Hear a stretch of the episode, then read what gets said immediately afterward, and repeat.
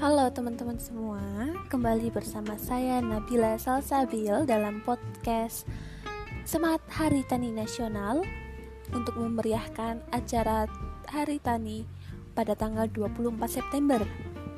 Kali ini saya tidak sendiri karena saya bersama dengan Pak Marlan dari Serikat Pertanian Indonesia. Halo, selamat pagi Pak Marlan. Oh ya, saya lupa, jangan dipanggil Pak